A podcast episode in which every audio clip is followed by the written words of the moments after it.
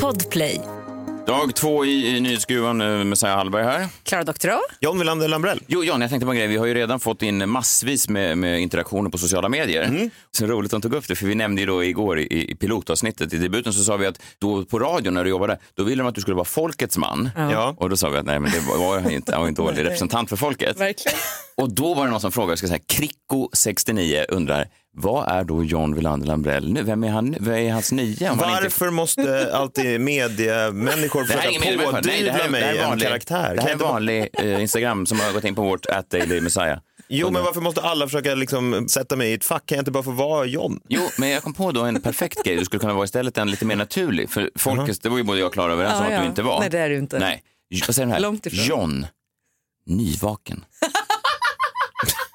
Men vad betyder det? Du Men du är ju alltid ja, Du nyvaken. har alltid precis gått upp. Vi kan ju inte Jo, ha jo, ett men- enda möte före klockan 12 för då är inte du vaken. Nej, nej, jag förstår, men vad, vad har det med någonting att göra? Nej, men det är bara bra om du kan ta med dig in i nyhetsgallringen. Lite, lite groggy, lite sådär, lite sömndrucken. Ja, och så där som de där hårtestarna som bara ligger ner för de där så söta ögonen du har. Jaha. Nyvakna John, smaka på det. Nu vi igång det. Blund! Nej, men inte John kall- Blund, där har vi det! Bra! Det här är The Daily Messiah. Nej, nej. Gäsp ska du säga. Jag ska säga Jesper, inte gäspa. Du får ta av dig pyjamasmössan.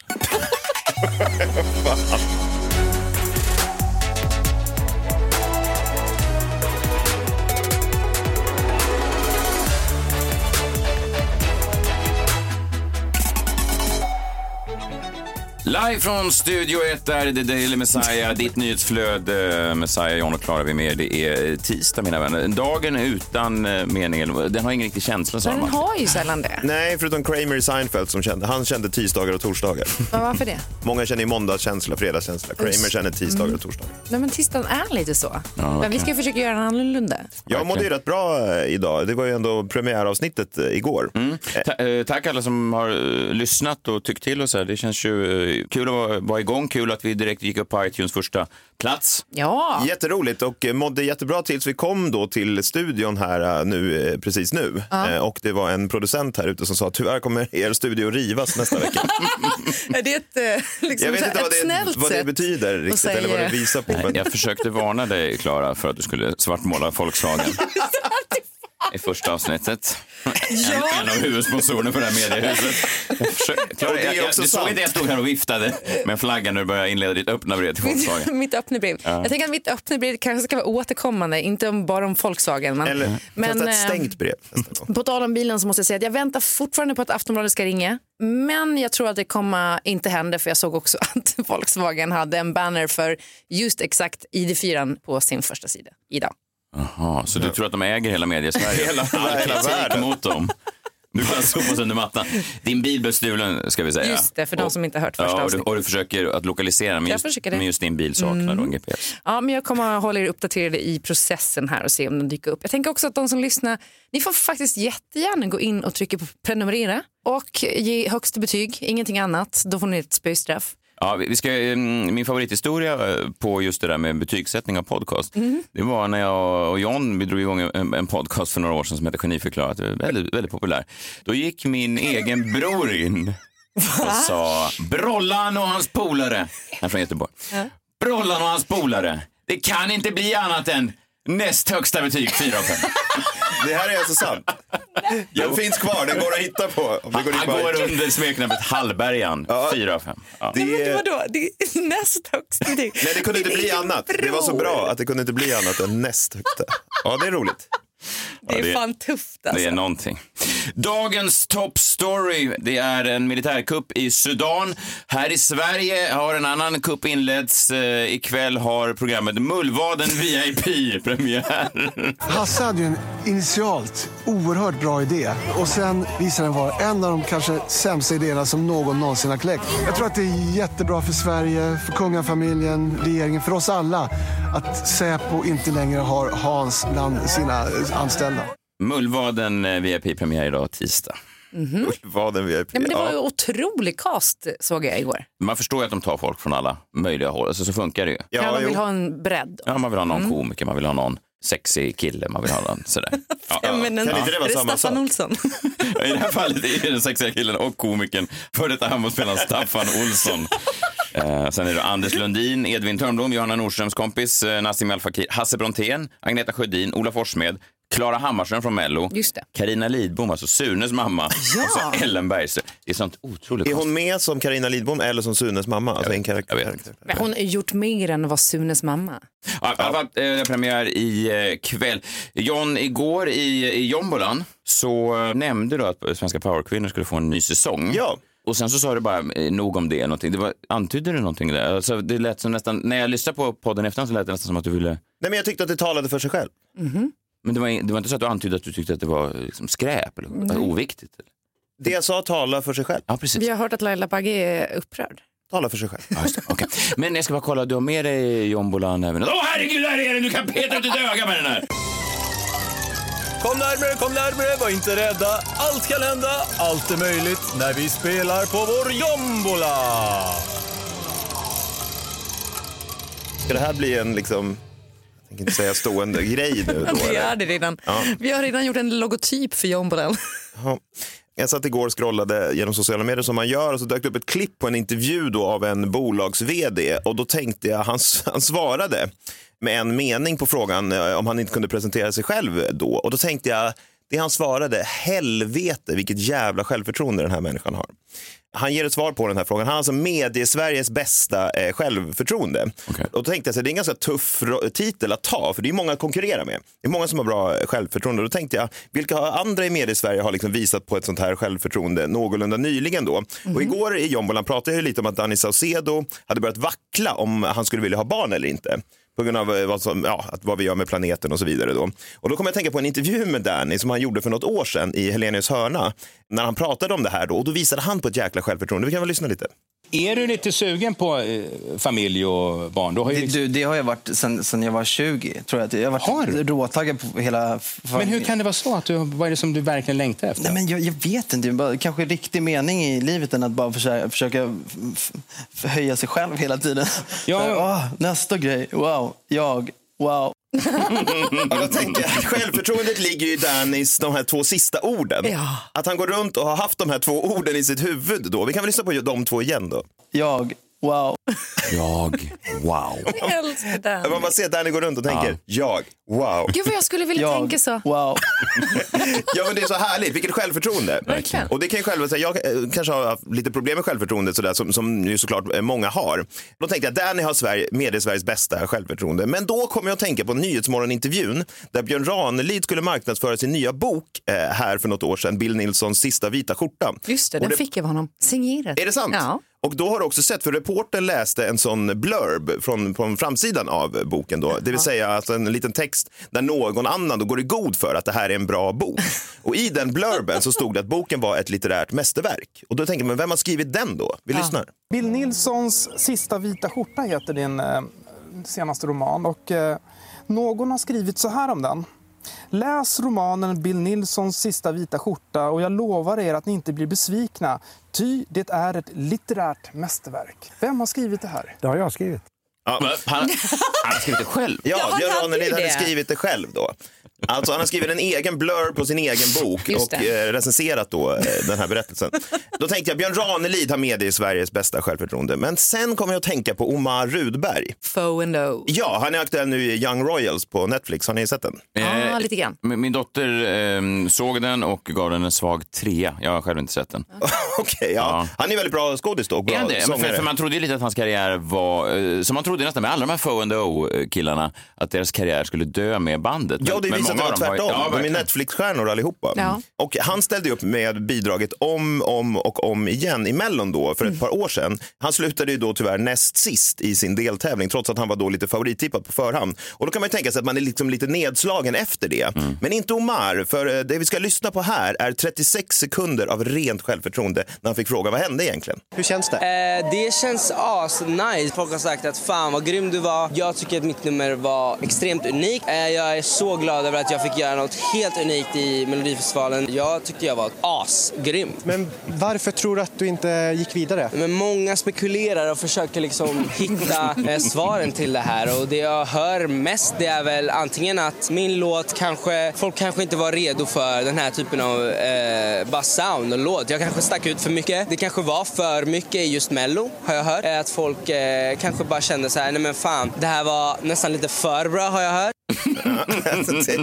Så jävla typiskt när det är för bra. Ja men det är för bra. Och då tänker man, det är sånt jäkla härligt självförtroende. Man kan ju förstå Omar också. Alltså, jag tycker sällan rätt låtar går vidare. Nej. Men om man eh, hamnar liksom näst sist så skulle man kunna bli nedslagen, men inte Omar. Och då tänkte jag, ja, men fram tills igår då, så tänkte jag, han har nog med Sveriges bästa självförtroende. Men då dök det här klippet upp i mitt flöde. Klara Messiah, har ni hängt med något i köpet av influencernätverket Cube som skedde här i dagarna? Bolagsköpet. Väldigt lite. Okej, det är då Gigger Group som köpt eh, det här influencernätverket och i pressmeddelandet står det att de nu ska skapa marknadens bästa erbjudande inom influencer marketing. Jaha. Ja, och det är ju någonting då. Så här, pengarna kommer ju rulla in, det vet man ju. Och i samband med det så publiceras en video på Youtube-kanalen Direkt Studios där vissa intervjuer då kan vara finansierade av bolagen själva, då så kallade uppdragsfilmer. Det vill säga de intervjuar i princip sin egen vd.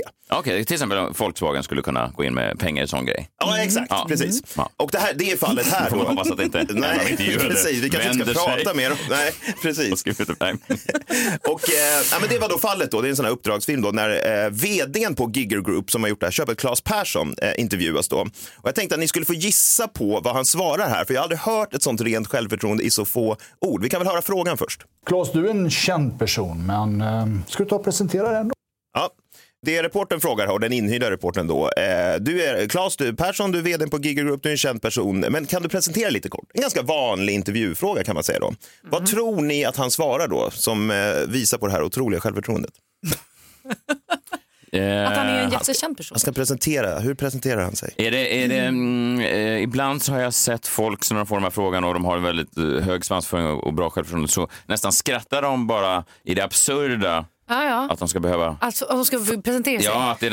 Eller så säger de, jag är en sån som aldrig sover. Det är ju något hos eh, framgångsrika människor som Ah, säger att de att aldrig sover. sover.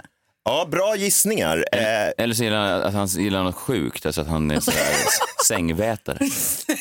ja, fast är det självförtroende? Ja, att man kan prata om det i en Ja, intervju i och man för är sig. avslappnad. Vad kan Ja, jag säga att mig själv? Ja, men bra gissningar, men jag skulle säga att eh, det är ännu bättre än så. Här har vi ett jävla självförtroende in action och vi ser vad han svarar på frågan. Claes, du är en känd person, men eh, ska du ta och presentera dig ändå? Oj då, hur lång tid har vi på oss? Och jag tänkte jäklar, liksom. det här slår ju Omar, det slår Danny, det slår Björn Ranelid. Ja, ja. Oj då, hur lång tid har vi på oss? Det är bara så rent härligt självförtroende. Jag menar, det är inte så konstigt att han har det, det går bra för honom, han är vd, pengarna rullar in. Vi kan lyssna på hans fullständiga svar också, bara lite kort. Claes, du är en känd person, men eh, ska du ta och presentera dig ändå? Oj då, hur lång tid har vi på oss? Jag tror att vi sa någonting om 10-11 minuter, så att jag tänkte jag lägger de första åtta på presentationen av mig själv. Nej. Nej. Eh, det, jag ger er, Claes Persson, med i Sveriges bästa självförtroende. Ja. Jag. Wow. Wow!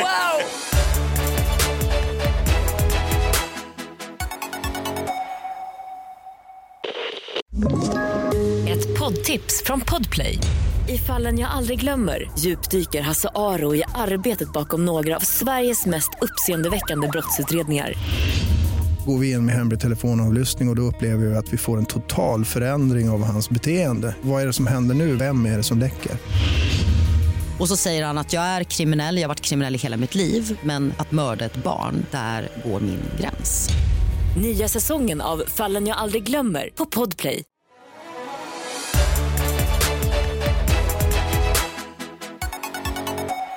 På tal om vd och självförtroende. Har ni koll på SAS nya vd som tillträdde i somras? Eh, han heter då, hör på det här, Anko van der Werf. Ny vd för SAS i somras. En holländare? Eh, ja, precis. Aha. Och så läser jag en intervju med honom på Aftonbladet idag där han säger att SAS då kämpar som fan nu.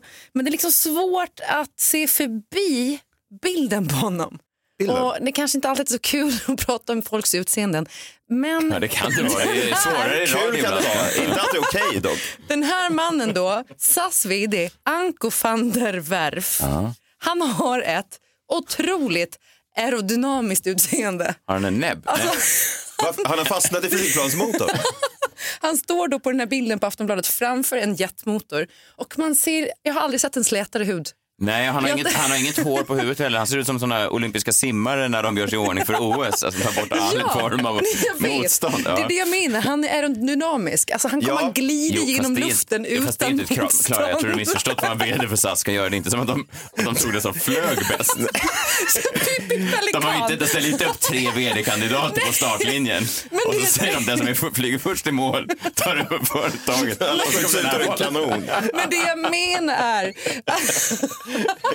den här vdn då, Anko van den Berg, för han är så slät och fin Jo. så att jag vill att hans hud, hudvårdsrutin ska rätt upp i SAS, den här In-Flight Magazine. Rätt upp bara, rakt upp och ner. Vad är det du använder för produkter? För jag vill ha dem. Och sen två, så tänker jag också, om han tragiskt skulle gå bort, Ja. kan ni inte höra av er till mig då? För jag skulle vilja göra en handväska. Ja, av honom. Har ni sett Så bara, är det krokodil? Nej, det är Ankon von... Vad fan hette? den värld? Världens snabbaste flygplans Nu säger producenten någonting. SAS, SAS är en sponsor också. Ja, då, då tycker vi, då önskar vi eh, Ankor eh, all lycka på nya jobbet och vi flyger gärna med SAS mycket hellre än andra bolag. Swish. Vi ber om ursäkt, det är Ankor.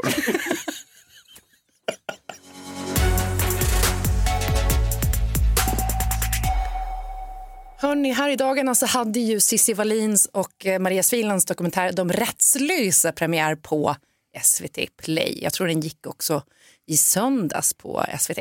Just det, jag såg, jag såg den i, igår faktiskt. Ja, du har gjort det? Ja. Ja, för det har ju varit otroligt mycket surr kring den här i förväg. Och Aftonbladet hade intervjuat SVTs då, eh, Axel Arnö som hade köpt in och beslutat att publicera den här. Och han sa att, citat, SVT har liksom inte blivit knäppa i skallen utan det här är något som SVT kan visa. Ja, men det var ju, det var ju eh, väldigt eh, rabalder i media. Det här är ju då någon, en slags omstridd crowdfundad dokumentär, va? Just det. Som då produceras av eh, Cissi Wallin och eh, precis. Maria Sveland. Det som försvårar det är ju att Cissi Wallin är anmäld för förtal igen så det pågår en utredning mot henne tror jag. Och eh, det var ju en av anledningarna till att de ställde hennes eh, dokumentär om abort tror jag för något år sedan att hon var då under utredning för förtal då också. Mhm. Mm. Och då tog SVT beslutet att inte visa den. Så de har ju varit inkonsekventa då i sitt beslut. Men jag hade läst en hel del om den här dokumentären i förväg och tyckte väl att eh, det kändes som att oj jädrar, det här kommer vara liv i luckan. Mm. Men sen såg jag dokumentären och kände väl att det är väl exakt det här vi behöver nu i metoo. Det är liksom nästa steg för metoo, kände jag. Mm. Eh, om man ser, eh, bortser från de här förtalsrättegångarna och annat så tycker jag att den visar ett porträtt av kvinnor och deras utsatthet. Och jag tyckte att de överlag eh, visade då de här eh, offren, ska man säga, på ett, eh, t- men ett rimligt sätt. Hade inte männen i fråga kanske anmält dem för förtal så hade jag aldrig haft en tanke ens på vilka män det skulle handla om som de berättade om. Och jag tyckte inte heller att det var så intressant. Alltså bryr vi oss? Ja, nej, jag skulle säga att en, en av dem som, som var med, misstänker jag, jag antar det, jag, tror att det är så, jag är ganska säker på att det är så, var ju en som hade då eh, eh, blivit anmäld av eh, Soran Ismail för förtal. Jag hade hoppats att vi skulle komma ifrån de här namnen någon jävla gång. För jag känner typ att metoo har fastnat i namnpubliceringar. Jag vet. Samtidigt så är ju namnpubliceringarna också, om man får djävulens advokat, en anledning till att det faktiskt fick sån stor genomblåsningskraft som det fick när det väl skedde. Mm. Alltså, så, jag, vet, jag ska inte prata om namnen, Men jag förstår men, det. förstår, när jag, sitter, Det går- jag, ja. jag, känner, alltså, jag har ju va- varit på massa turnéer med Soran, känner ju honom så att det blir ju, det är svårt för mig att helt frikoppla mig från det. Jag vet, men ja. grejen är att jag hade aldrig listat ut att någon av de här kvinnorna som berättade i dokumentären att hon hade beskrivit Nej. han. Nej. Och där tror jag kanske att SVT har gått in och bett dem klippa om Ja, det, det dokumentären. misstänker jag också, för den var väldigt anonymiserad. På ett sätt som Ja, jag de sa tyckte- väl aldrig profession eller någonting Nej, sånt? ingenting. Alltså, och de gick inte in på detaljer om övergrepp heller, vilket jag tyckte var bra. För att det, är inte, det är inte det vi behöver höra nu. Vi behöver inte fastna i namn. Alltså, jag är så jävla trött på det. Ja, det jag vill liksom inte höra de här männens namn och mig. Kan vi gå vidare från det och prata om vad betyder en våldtäkt då, eller ett sexualbrott för den som blir utsatt? Jag tänker att vi börjar med att lyssna på Anna Möller som är överläkare då på mottagningen för våldtagna. Min avhandling som jag la fram 2015 handlade om konsekvenser av våldtäkt. Dels så handlade den om eh, fysiska skador och det visade att fysiska skador är väldigt ovanligt. Ungefär 20 procent av dem där det har varit en penetrerande våldtäkt har skador i underlivet och då handlar det ofta om väldigt, väldigt små, små, små, små skador som knappt man ser för blotta ögat. Medan det vanligaste är ju de psykologiska konsekvenserna. Jag tittar på akut eh, stressreaktion acute stress disorder som forskas mycket på efter trauma. Eh, där 80 procent av våra patienter hade akut stresssyndrom när de kommer tillbaka på läkaråterbesöket efter två veckor, vilket är ju skyhögt. Och sen så tittade vi också på hur många som hade utvecklat posttraumatiskt stresssyndrom efter sex månader. Och då var det så mycket som 40 procent av våra patienter som uppfyllde alla kriterier för PTSD vid sex månader. Och det är att jämföra med de PTSD-frekvenser man får efter tortyr i samband med krigssituationer. Det är alltså en av de mest traumatiska händelserna man kan vara med om. Eh, här någonstans så känner jag att nu börjar ju diskussionen om metoo bli intressant på riktigt. Och det är inte bara för att jag känner mig själv träffad av det här. Utan för att det här är ju eh, någonting vi måste titta vidare på. Merly Åsbogård var ju med i dokumentären med namn och ansikte och berättade om hur hon fick en komplex PTSD, komplex traumatisering efter att ha blivit tvingad in i prostitution. Eh, och där ska jag väl vara helt ärlig med att säga att, att jag har också en sån diagnos. Och jag har också fått den diagnosen som ett resultat av händelser som jag varit utsatt för i, när jag var barn och tonåring. Så jag är ju såklart inte objektiv i det här fallet. Men jag tycker att det är intressant för det man sen pratar om i dokumentären inte bara om eh, vad då våldtäktsoffret, hur ett våldtäktsoffer ska vara. De flesta, sju av tio, kanske fryser i den situationen och inte vågar göra någonting vilket gör att de inte får synliga skador. Men däremot får de ofta psykologiska skador. Och det kan liknas med liksom, trauma vid krig. Och det här kommer att bli kostsamt. Jag var ju inne och ute i psykvården, fick först en ADHD-diagnos som de sa, det här stämmer nog inte riktigt. Men någonting är fel på dig. Mm. Och sen när jag var 30 så fick jag rätt diagnos. Eh, och det var då komplex PTSD. Mm. Eh, och då fick jag gå ett år i terapi liksom, för det här. Mm. Vilket kostar ju jättemycket för staten såklart. Men eh, jag har Verkligen. ändå kunnat arbeta och så vidare. Eh, och det är också ett, eh, en anledning till att ni vet ju att jag kan så tappa tråden ibland. Jag försvinner bort, min hjärna klippa med verkligheten. Ja, det har jag, ja, inte märkt. Du har inte märkt? Nej, jag, jag vet att du ja. säger ofta det, men jag, tycker, jag gillar ju Nej, men Ni kan se att jag får en glasartad blick. Det är en ganska vanlig effekt att man distanserar sig, att det är dissociation. Det sker, sker, bara med mig och John. Men nej, det Vi trodde att du bara tröttnade på oss. Nej men ni förstår, ja, det får fattar, konsekvenser. Mm. Och, och, det här det, det är ju bara början på att börja diskutera de här grejerna. Men jag tycker att vi ska lyssna på då Ingvar Nilsson som är nationalekonom och vad han har att säga om de här grejerna.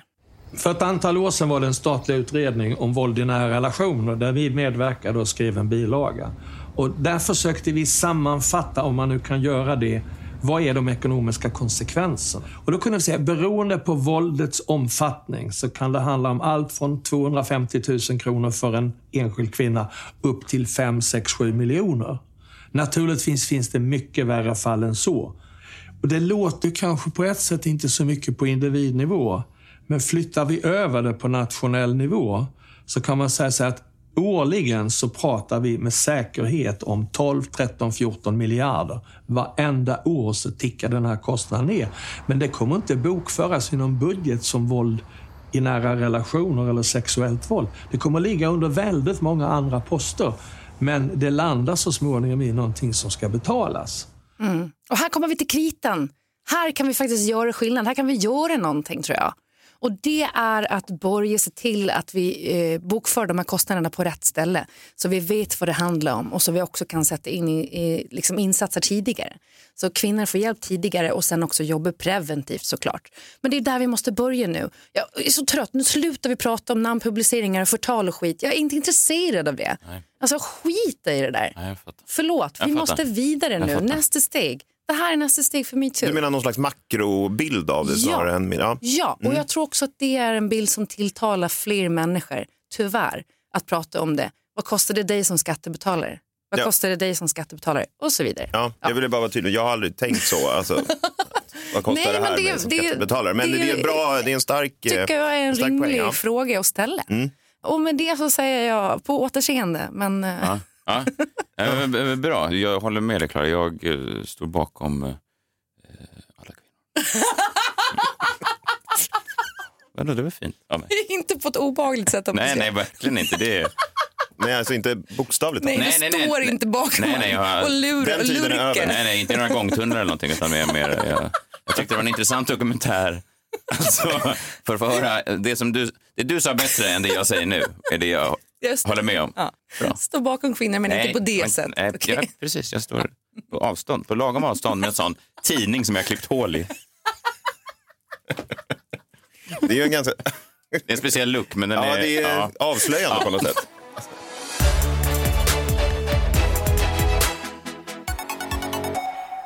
Igår var det lön, hörni. Ja, härligt. äntligen. Och, och eh, ja, i slutet av oktober, och ni vet vad de brukar säga? Vadå? Man kan ha så otroligt mycket kul i oktober. Säger det? Säger man, folk säger det. Har brukar någon kan- sagt det någonsin? Ja, så otroligt mycket kul. Just i oktober kan man ha så himla mycket kul.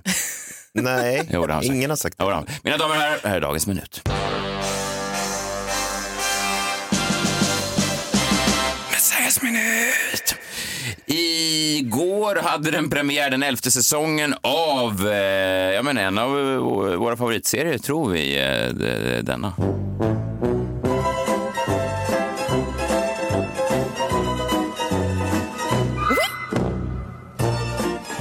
Enthusiasm säsong 11. Jag såg, eh, såg avsnittet. Har ni, har ni inte sett det än?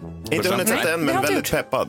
Otroligt peppad. Ja, eh, kul. Förra säsongen lite av en besvikelse. Det här avsnittet väldigt roligt. Fyra av fem ger det. Det var inte det jag skulle prata om egentligen, för, förutom en grej som slog mig då. Det här är lite av ett scoop. Okay.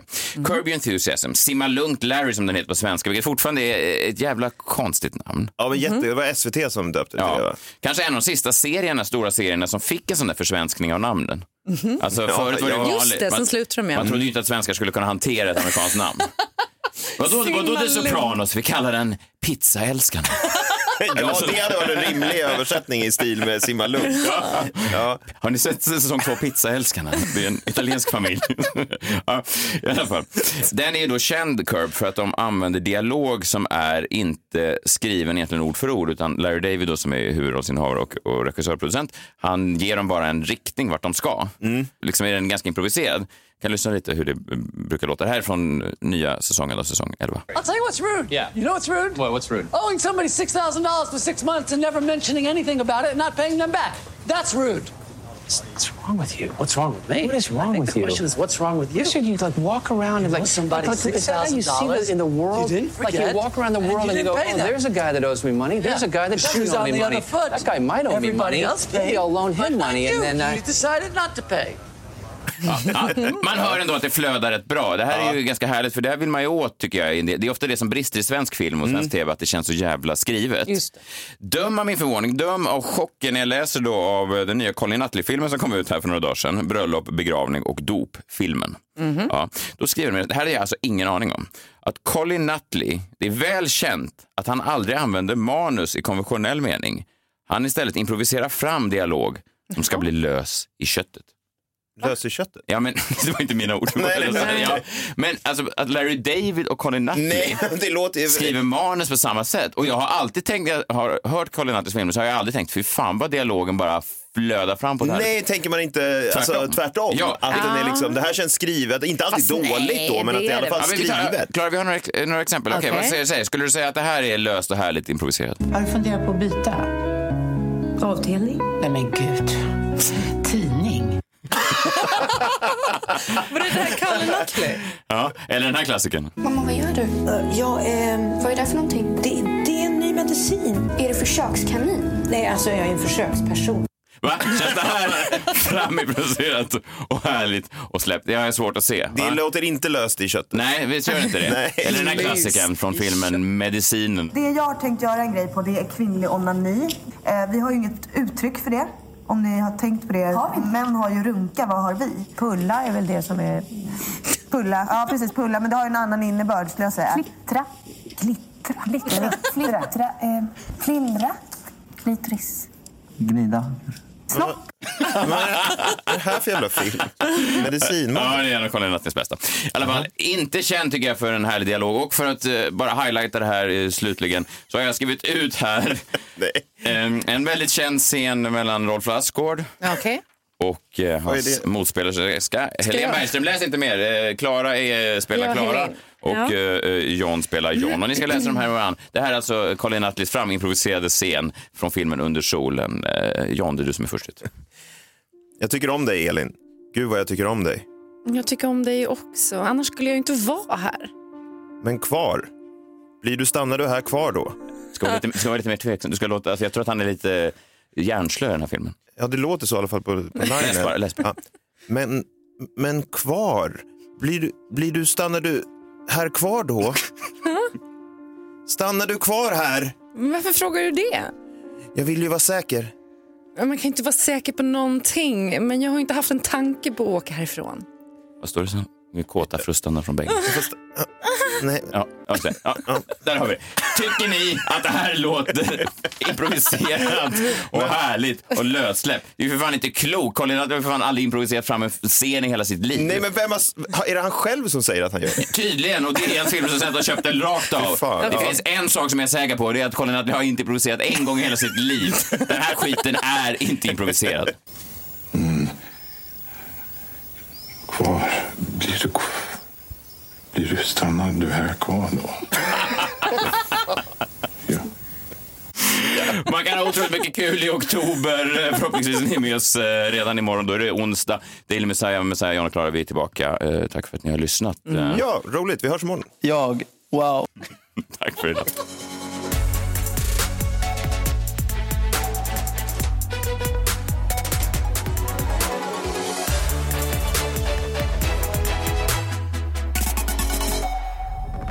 Podplay, en del av Power Media.